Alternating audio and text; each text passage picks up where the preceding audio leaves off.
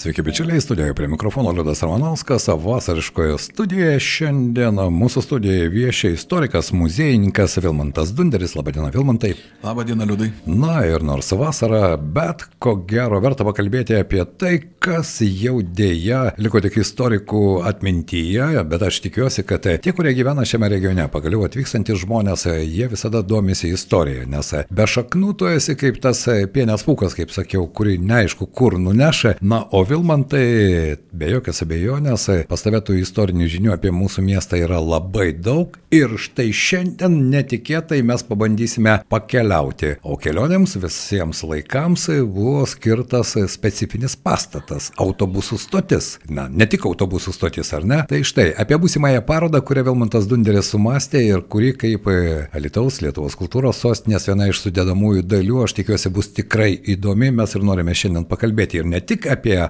stotis, bet ir apie dar vieną taip pat specifinį, e, galima sakyti, objektą mūsų mieste ir ne vieną. Tad, bet pradėkime nuo stoties. Kągi, pakeliauti, aišku, visą laiką yra smagu ir malonu ir, kaip jau ir pristatyti, tai iš tiesų tai yra sudėtinė kultūros sostinės programos dalis. Na, tiesa, kažkada buvo kaip ir užšifruota laiko ženklai, bet truputėlį pabandžiau tos laiko ženklus paversti konkrečiau ir aiškiau ir tie laiko ženklai išvirto senamišio grindinio paslaptimis. Nes mūsų miesto senamistis, aišku, galbūt šiandien šiandieną daugam matomas tik grindinys ir tarsi ir nebėra, daug kas mėgsta pabrėžti to senamišio ar senų namų, bet na, mūsų miesto senamestis vis dėlto yra daugiau e, lokalizuotas 20 amžiaus pradžią. Ir iš to laikotarpio tikrai mūsų mieste pilna pastatų ir tuose pastatuose, aišku, vyrė ir žmonių gyvenimas ir apie tas paslaptis ir apie kai kurių įstaigų funkcionavimą čia kaip tik ir bus kalbama šitoj parodoj. O kalbama bus konkrečiai apie kino teatrus senuosius ir apie autobusų stotis. Taip, ne vieną, bet begalę, daugybę autobusų stočių kadangi mieste buvo tikrai ne viena.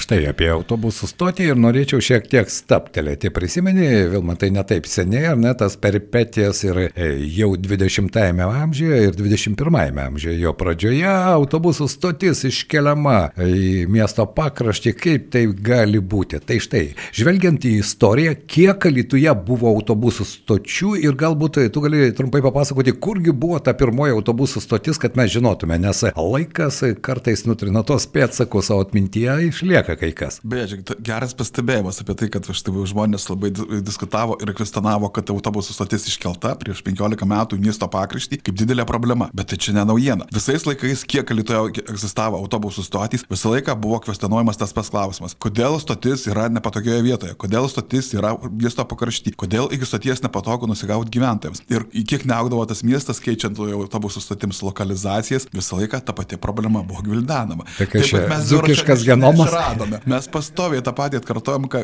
ką sakė mūsų tėvai, proseneliai ir kartojam tą beveik šimtas metų. Tai kada ta pirmoji stotis atsirado? Dabar dėl pirmosios stoties kol kas nėra labai tiksliai aišku ir sunku tą apibūdinti, bet trečiojo dešimtmečio pradžioje e, mieste atsiranda pirmieji e, autobusų savininkai, nors, pavyzdžiui, pirmieji automobiliai dar buvo prieš pirmą pasaulinį karą mieste pasirodę. Tai autobusų savininkai atsiradę pradėjo vystyti tą patruputėlį autobusų, na, tarkim, autobusų, keli, keliavinio autobusų transporto paslaugą ir tokios kaip stoties kaip ir nebuvo. Nors žinoma, kad, pavyzdžiui, 1923 metais mieste jau buvo autobusų stoties gatvė. Kaip Ai. vėliau paaiškėjo, toje gatvėje jokios autobusų stoties nėra.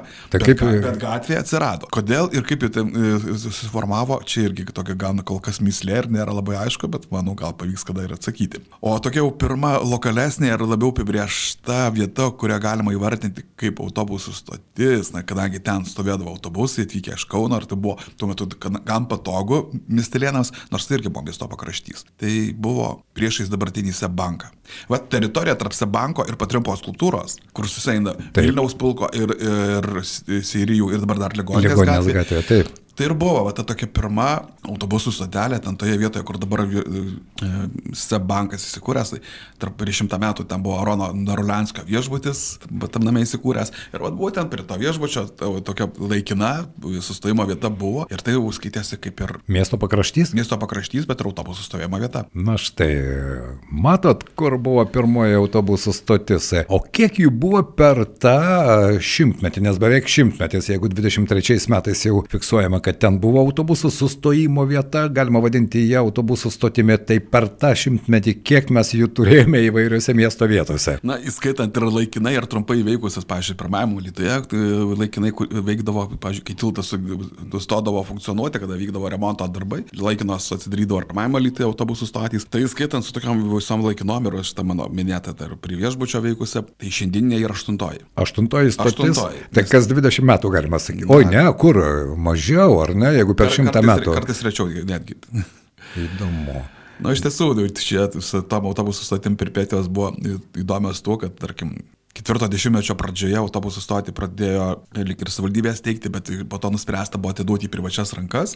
Čia nepriklausomybės laikai. A, taip, čia praėjusio amžiaus ketvirto dešimtmečio pradžia ir štai privatus verslas koncesijos būdų įsigyja viena gubarų šeimyną, įrengė autobusų stotį. Va toje vietoje, kur mes e, ilgus metus laukiam autobuso, kur buvo autobusų stotis veikia, priešais, na, tarkim, dabartinę Lietuvos policijos komisariatą, toje teritorijoje, tai čia va, kaip tik ir buvo Gubrų šeiminos vieno iš brolių Gubrų namas ir tiesiog savo name buvo įrengę autobusų stotį. Aišku, įrengta buvo visa atitinkama infrastruktūra.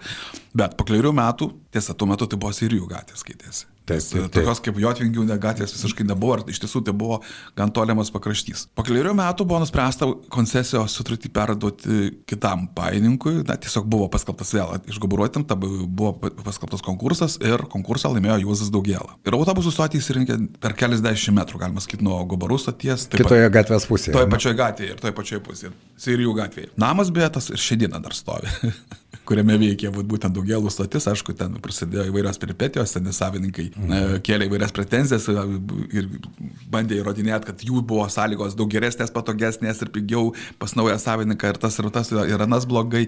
Nieko naujo šiame pasaulyje. Nieko ne? naujo e, tai iš tiesų nėra, na, dėl tų nesutarimų, dėl ginčių savivaldybė, beje, pats Juozas Daugela buvo savivaldybės tarybos narys ir kad galėtų dalyvauti koncesijos sutartį pasirašant ir kad pačiam konkurse jis e, atsisakė tarybos nario mandato, laimėjo konkursą, bet vėl tos peripetijos susitėsi beveik metus laiko, bet jam pavyksta vis dėlto Kaune gauti pritarimą iš susikimo ministerijos ir po metų jau tikrai jo sutartis buvo patvirtinta ir praktiškai e, beveik ketverius metus funkcionavo Juozo Dugėlos autobusų stotis. Na, iš tai pradžių. Iki karo beveik, ar ne? Taip, dar ne. Po to pasibaigus sutarčiai vėl buvo koncesija atimta iš Daugėlos, vėl a, gražinta gubarams, po to savivaldybė atsiegė savo darbą e, stotį. Čia buvo daug tų peripetijų. Na, po to tas laikotarpis e, sovietinės ir vokiečių okupacijos nėra labai tiksliai aiškus ir su autobusų stotim ne, negaliu nieko kažko pasakyti. Tačiau 40 1948 metais sovietų valdžia nusprendžia kurti autokoloną, kurios paskirtis buvo krovinių pervežimas ir taip pat organizuoti keleivių pervežimą. Na ir štai va tada vėl, kuriant autokoloną, jos funkcionavimui pasirinka buvusi Kubarų stotis, nes Kubarų namai buvo nacionalizuoti. Ir tai jos pagrindu vėl pradėta formuoti nauja autobusų stotis, autokolonas bazė, kadangi teritorija buvo maža, Tai palaipsniui supirkinėjami buvo iškeliami aplinkiniai gyventojai, supirkami sklypai ir ta teritorija plėtėsi. Didėjo. Su laiku atsirado poreikis nutiesti ir naują gatvę, nes vis tiek stotis buvo kaip ir pakrašty. Tada 60-metį suformuojama nauja gatvė, nuo pulko gatvės iki tvirtovės. Tai čia dabartinė Jotvingių gatvė. Dabartinė Jotvingių gatvė. Na, ten irgi, jie bandė ir autobusų stoties vadinti, ir automobilistų iš pradžių likti, ir kooperatininkų. Na, po to įsitvirtino Vinsok apsuko vardu, Ir taip kelias dešimtmečius ta gatvė buvo Vinco Kapsuko vardu. Tai štai stotis jau atsidūrė praktiškai Serijų ir Kapsuko gatvių kampe. Na, pertvarkoma, patvarkoma, prastovė dar kurį laiką, kol 70-mečio pradžioje nusprendžiama, kad stotį reikia statyti naują ir pasirenkama kita gatvės pusė. Tai dabar jau kita pusė. Jotvingių gatvės gaunasi, tuometinės kapsuko, suformuojamas naujas klypas, pastatoma nauja statis ir jinai pradeda funkcionuoti jau kitai, tarkim, Maltiškių kartai e, e, prisimenama ir atmenama kaip autobusų stotis. stotis taip, ten jau arčiau Kriaušiaus. Ir vėl, šita stotis jau kitoje gatvės pusėje veikia tol, kol senojoje vietoje Vėl buvo pradėta, pradėta statyti. projektuoti nauja. Ir 86 metais, kitapus gatvės vietoj seno gabarų pastato, vietoj senos stoties suformuojamas, projektuojamas naujas pastatas, kuris 86 pradžioje atidaromas su didelė pompastika, su iškilmėm, o tas senasis uždaromas, įkūrimo komiso parduotuvė, na, taip, vietojo šiandieną stovi komercinis e, pastatas. pastatas, O šita autobusų stotis, na, prastovėjo iškilmingai beveik 20 metų, 21 praktiškai, iki 2007-ųjų, kuomet iškelta buvo Į miesto į pakraštį. miesto, vėl į miesto pakraštį. Taip, tai taip ir keliauja ta autobusų stotis visą laiką, visą laiką miesto pakraštyje. Dabar ten e, nenaudojamas plotas stovi, privatus plotas ir yra taip, kaip yra. E, Na, e, daugelis paburnoja, daug ko gero įprato prie tos naujosios autobusų stoties vietos, ar ne, naudojasi ją, bet ko gero ypatingų pasikeitimų artimiausių metų, vėl man tai nenusimato, ar ne, kad pasikeis e, jos lokacijos vieta. Šimtmetis dar nepraėjo.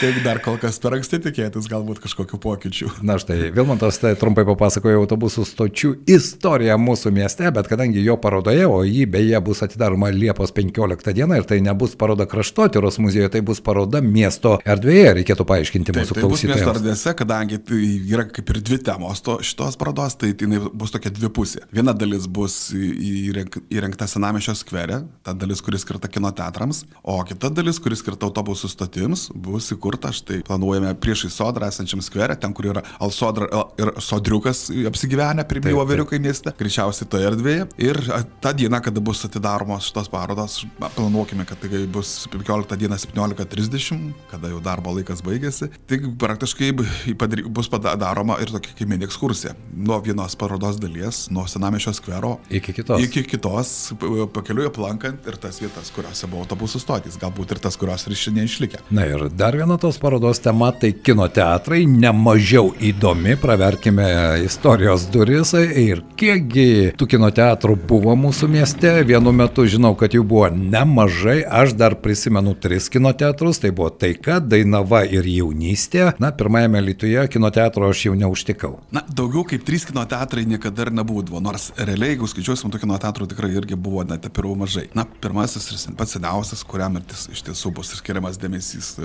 mūsų parodoje, tai yra iki šiol stovintis Vilniaus gatvėje. Vieniems tai aišku, na, daugeliu tiksliau vis dėlto jis išli- išlieka atmintyje kaip taikos kino teatras, kadangi per paskutinius 60 metų jis tą vardą tokį turėjo, tačiau jis savo veiklą pradėjo kaip kino teatras.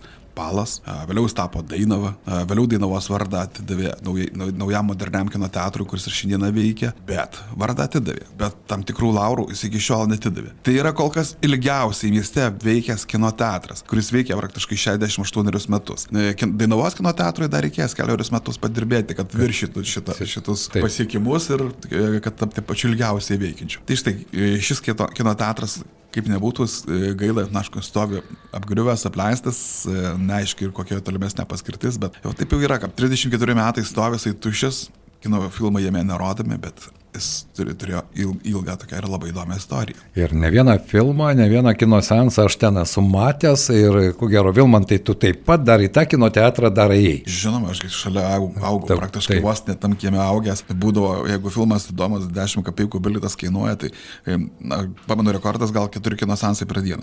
Na štai. Iš tikrųjų, jis buvo keistas, e, tas kino teatras, bet jis turėjo tam tikrą jaukumo. Ten ir krosnis dar buvo, ar ne, aš prisimenu. E, na ir visi tie atributai, kurie ir atkeliavo nuo tarpukario. O kada jis buvo įsteigtas, beje, tas kino teatras? E, Šiaip pat ir čia įdomi istorija tokia, kad jo savininkas e, Koperis, Šulimanas. Kino teatrą įsteigė dar 1916 metais, tai yra pirmo pasaulinio karo metais. Ir kino teatras funkcionavo pagal išlikusius du, dokumentus kareivinėse. Na, tiesiog buvo daugiau galbūt skirtas vokiečių kareiviams, kurie mieste buvo įsikūrę. O 19 metais e, suprojektuotas e, kino teatro pastatas Vilniaus gatvėje, jis aišku, buvo kartu ir gyvenamasis, nes šeima gyveno taip pat kino, tame pačiame pastate, kaip beje ir, ir kitame kino teatre lygiai taip pat buvo dalis patalpų, aišku, šeimai, šeimai o kita verslui. Ir štai nuo 20 metų kino filmai šitame pastate buvo rodomi, rodomi, taip. iki 1988. Taip. Aišku, per tuos laikus jis pakeitė ir, ir savo, ne tik vardus, bet keitė ir išvaizdą, nes ypač antro pasaulinio karo metais buvo gerokai nukentėjęs. Bet fasadas išliko tas pats, ar ne? Ne, Ne, fasadas čia jau irgi fasadas pakeistas. gerokai pakeistas, vat, rekonstruojant po kurio metai. Čia net vieną kartą teko aptikti diskusiją socialiniuose tinkluose, kažkas įkėlė vat, prieš karinę nuotrauką ir atlytiški, kurie mena e, dar veikusiai taikos kino teatrą, diskutavo ir įrodinėjo. Ar čia tas pats, Ne, čia ne tas pats, nesutampa. Na, bet dėja, aišku, nežinant faktų, kartais, aišku, galima ginčytis. Aišku, po karo jis buvo nacionalizuotas, bet tai Dar palikta. prieš karą. Prieš karą dar buvo nacionalizuotas. 40. 40 metais. Tai va čia buvo pirmasis. O po to 30 metais visai šalia greta atidaromas kitas - Capital. Ten jau Šaja Paktorius atidaro kino teatrą ir vat, vienoje gatvėje greta vienas kito du kino teatrai veikia. konkuravo aš, vienas su kitu. Konkuravo taip, aš su apie tą konkurenciją ir net ir Respublikinė spauda dažnai rašydavo, ten aišku, kaltindavo kartais ir ne tik konkurenciją, bet ir sindikatų sudarimo, nes tarkim, jeigu vienas rodo brangius filmus, kitas pigius, jeigu vienas vaikiškus sensus daro, kitas kažkokius rimtesnius, e, ten kainų derinimai. Aišku, konkurencija irgi geras dalykas buvo, nes, tarkim, na, žiūrėkim, šitas periodas 20-30 metai, tai kaip tik e, nebilių e, kino klistėjimas ir galima sakyti jau mirtis, nes 30 metai praktiškai visur įsigali garsnis filmas, tai yra Lietuvos kino teatrams irgi tenko. Beje, kalbant apie tą pirmąjį kino teatrų epochos laikotarpį, kadangi tai buvo nebylus filmai, ar ne, tai ką, jie turėjo taperius, kurie iliustruodavo grodami pianinu, ar neteko girdėti, kokiu būdu ten filmai būdavo rodomi? Faktiškai turėjo būti taperiai, bet vat, apie taperį Palaskino teatre kažkaip tai niekur neteko užtikti tokios samesnės informacijos, taip kad negali dabar tai šimtų procentų to teikti. O kaip e, alitiškai eidavo į kiną ar ne? Taip, e, tikrai eidavo, ir aišku, žinoma, priklausė ir nuo kino, kino filmų, kai sakau, jeigu būdavo, pažiūrėjau, filmai neįdomus, net kai dabar kartais sakoma, vaikų kino sensai tarsi šių laikų išradimas. Nieko panašaus. Tiek Šulmanas, tiek e, Paktorius tokius dalykus su trapukarį darydavo. Jei nebūdavo pelno, didelio nebuvo lankoma, padarydavo vaikiškus kino sensus, kainas nuleisdavo. Vaikai ateidavo ir basiškumo tiesiog pasiekdavo e, norimą pelną. Na štai, Tai buvo du kino teatrai, ar ne, prieš kario laikais, jie tarp, ne, o kas dar buvo, dar pirmajame Lietuvoje buvo? Ne, buvo ne. trečias. O kur trečias? Trumpą laiką kino teatras veikė Ulonų pulikė. Ketvirto dešimtmečio viduryje Ulonų pulkė taip pat buvo įsteigtas klube kino teatras, kurį laiką jis ten veikė, bet kiek jis ilgai veikė ir kada jis tiksliai uždarytas, na, jis 305 metais minimas, kad kai veikiantis, bet aišku, matomai ten buvo daug daugiau gal, uždaro pobūdžio, nors žinau, kad ten buvo kviečiama ir miesto visuomenė atvykti, bet šiuo atveju taip, na, tais laikais, na, Ulonų na, pulkas na, gerokai taip už miesto buvo, bet aš manau, kad ten gal ir lankydavosi. Ir tai dar nebuvo paskutinis variantas. Tai koks dar? Dar buvo nerealizuoto kino teatro variantas, kuomet 38 metais buvo atidaryti nauji Šaulių namai. Šaulių namuose taip pat buvo suplanuoti kurti naują, modernų kino teatrą. Prasidėjo dėrybos, prasidėjo susirašinėjimai su verslininkais, aptikęs su vieno vers... susirašinėjimą su vienu verslininku iš Rokiškio, kuris planavo nuomotis patalpas, nuomotis ir įkurti kino teatrą, bet matomai kažkas ne, vis, ne visiškai pavyko su tam dėrybom ir dėja, baigėsi tos dėrybos nuliniu rezultatu ir kino teatras nebuvo įkurtas. O kas pirmasis alitus? Nejaugi ten juk buvo kino teatras? Pirmajame Lietuvoje kino teatras atsiranda 60-mečio pradžioje. Ai, tik 60-mečio. Tai, Nors, jeigu šnekant vis apie pirmą kino sensą Lietuvoje, tai mes netaip ir daug atsiliekam. Jeigu pirmasis kino sensas Paryžiuje parodytas 1895 metais, na, prabėga 16 metų ir šitas stebuklas jau patenka į Alytų. 911 metai Lietuvoje buvo parodytas, atvyksta kilnojamas kino teatras ir parodo kino filmą. Tik jis nėra tiksliai aišku, ar tai dar tada sakydavo, ar Vilniaus pusė, ar Suvalkų pusė. Tai vad, negali sakyti, kuri miesto dalis buvo tie laimingieji, nors spauda rašė, kad talitiški buvo labai nustebinti ir labai patiko jiems ta naujovė ir buvo. Judantis paveikslėliai. Taip, judantis paveikslėliai. Tai vad, šiuo atžvilgiu pirmas rytas buvo gan nuskrustas, nes vat, tas mano minėtas aktoriaus kino teatras, kuris buvo Palas, vėliau tapo Dzukija. Po kurio metais jisai buvo uždarytas 49 metais. Na, sovietų valdžiai ten irgi tuo metu reikėdavo, kaip sakant, ir planus vykdyti, ir dar kažkokį pelną pasiekti. Ir miesto komitetas pasižiūrėjo, kad du kino teatrai vienas šalia kito nerentabilu, neapsimoka ir aišku vieną uždarė iš jų. Tai va uždarius Zukijos kino teatrą Vilnius gatvėje, tai po keliurių metų, nu, galima sakyti, kad tokiu pačiu pavadinimu, tik tai kito, kitas kino teatras, ne, ne tas pats. Atgimsta pirmajame Lietuvoje, ar būtent Zukijos kino teatras nuo 60-mečio pradžios iki 73-ųjų pirmajame Lietuvoje veikia. Na ir po to atsirado Dainava jau, ar ne? Pavadinimas per, persikėlė Taip. į Dainavą ir čia buvo jau 70-ieji. Čia jau 60-ieji. Po 16 metų atsiranda ir jaunystės. Plačių formatis, kino tai, teatras. Kuris iš tikrųjų buvo labai šiuolaikiškas tiems laikams, ar ne? Jis buvo tai... pagal statusą ir iškeltus reklamas, gal tai trečias tik tas kino teatras Lietuvoje. Na, tokių iš tiesų buvo galima pavydėti ir kitiem miestam na, šito likimas irgi keliolika metų ir neliko. Dabar yra prekybos centras. Taip, dabar yra prekybos centras. Liko vienintelis veikiantis Dainavos kino teatras, kuris irgi yra vienas iš tų nedaugelio, ko gero Lietuvoje, jų, kiek žinau, beliko šeši, jeigu aš neklystu, kurie liko tose senose patalpose ir kurie jau, na, skaičiuoja tą dešimtmečių savo istoriją. Tai, kurie veikia pagal pirminę paskirtį. Taip, būtent veikia pagal pirminę. Ja, čia vienetai išlikė tokių kino teatrų. Aš tai nebėjau, kad kino mėgėjams tai bus įdomus ekskursas į praeitį ir iš kitos pusės tai ekskursas į miesto tam tikrą prasme kultūrinį gyvenimą, nes kinas tai buvo kultūrinis reiškinys ir štai kaip tu minėjai, litiškiai pirmą kartą pamatė po 16 metų, kai kinas iš viso atsirado. Taip, tai pažiūrėkime, juk ir Vilniuje kino teatrai atsiranda maždaug 1227-8, tai praktiškai irgi dešimtmetės po pirmųjų filmų pasirodymo.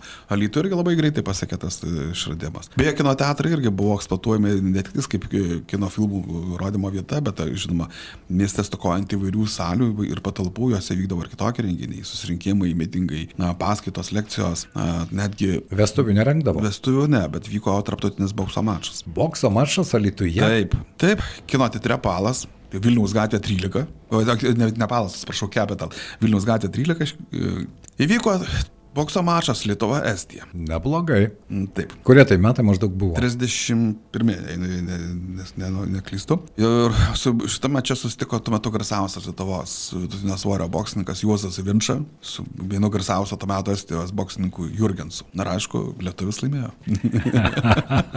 Na štai, tiek daug istorinių peripetijų galėsite sužinoti keliaudami su Vilmantu Dunderiu, muziejininku ir istoriku jau Liepos 15 dieną, 17 val. 30 min minučių Vilmantai susitikimo vieta, prie kurios... E, Senamišio skveras, Senamišio skveras prie fontano. Taip, pirmoji parodos dalis ten bus eksponuojama, o vėliau keliausite į... į kitą dalį ir gausis tokia mini ekskursija. Norėjau paklausti, kiek laiko ta paroda bus eksponuojama po to, nes e, suprantu, kad miesto viešosiuose erdvėse, na, mano nuomonė, tai yra iš tikrųjų gerai, kad atsiranda tam tikri istoriniai momentai, stendai, nuotraukos, tebūnė nedideli aprašai, bet ir miesto svečiams ir patiems miestelėnams žmonėms tai dažnokai būna tokie atradimo akimirkos. Kiek jinai bus, na, eksploatuojama, aš manau, gyvasios galo tikrai prastovės miesto erdvėse, o toliau žiūrėsim. Na ir tokią istorinę datą pasirinkai, ar ne, būtent parodų atidarimui. Žalgirio mūšio metinės, kad ir ne valios, bet... Taip, bet vis dėlto. Nu, vat, vis tik, negalėtų žmogus nuslysti nuo to istorinių sąsajų kažkokių. Tai... Taip, ar jos savaime gaunasi, ar suplanuotos, bet vis dėlto tai yra istoriniai momentai. Ar tai būtų 15 šimtmetis. Natūraliai išėjo. Natūraliai. Reikėjo pasirinkti dieną jau natūraliai, Liepos 15. Tai bus penktadienis, bičiuliai, 17 val. 30 min. užsukite į miesto senamešio skverą ir susipažinkite su miesto istorija per autobusų stoties ir kino teatro istoriją. Tai iš tikrųjų bus įdomu, nebejoju, ten pamatysime ir nuotraukų ir Vilmantas tikiuosi, kad pateiks netikėtų surprizų. Na, o šiandien mūsų pasakojime aš tikiuosi taip pat ne viena intriga nuskambėjo, daug ką sužinojome, kada pirmas kino teatras, kada pirmas sensas buvo parodytas, kada pirmoji autobusų stotis atsirado Lietuvoje. Na ir dar vienas įdomus tavo pastebėjimas buvo, kad tos peripetijos dėl vietos, jos tęsiasi šimtą metų ir ko gero dar šimtmetį tęsis. Be abejo. Nes nieko nėra amžinesnio kaip istorijos ratas, jis visą laiką apsisuka aplinkui. Taip, tik linkęs kartotis. Ja, svarbu jį žinoti ir prisiminti. Ačiū tau šiandien už pokalbį, geros dienos ir įdomios Ačiū. parodos ir žinoma žingeidžių lankytojų. Ačiū. Vasariški pokalbiai vasariškoje studijoje. Prie mikrofono Liudas Ramanauskas.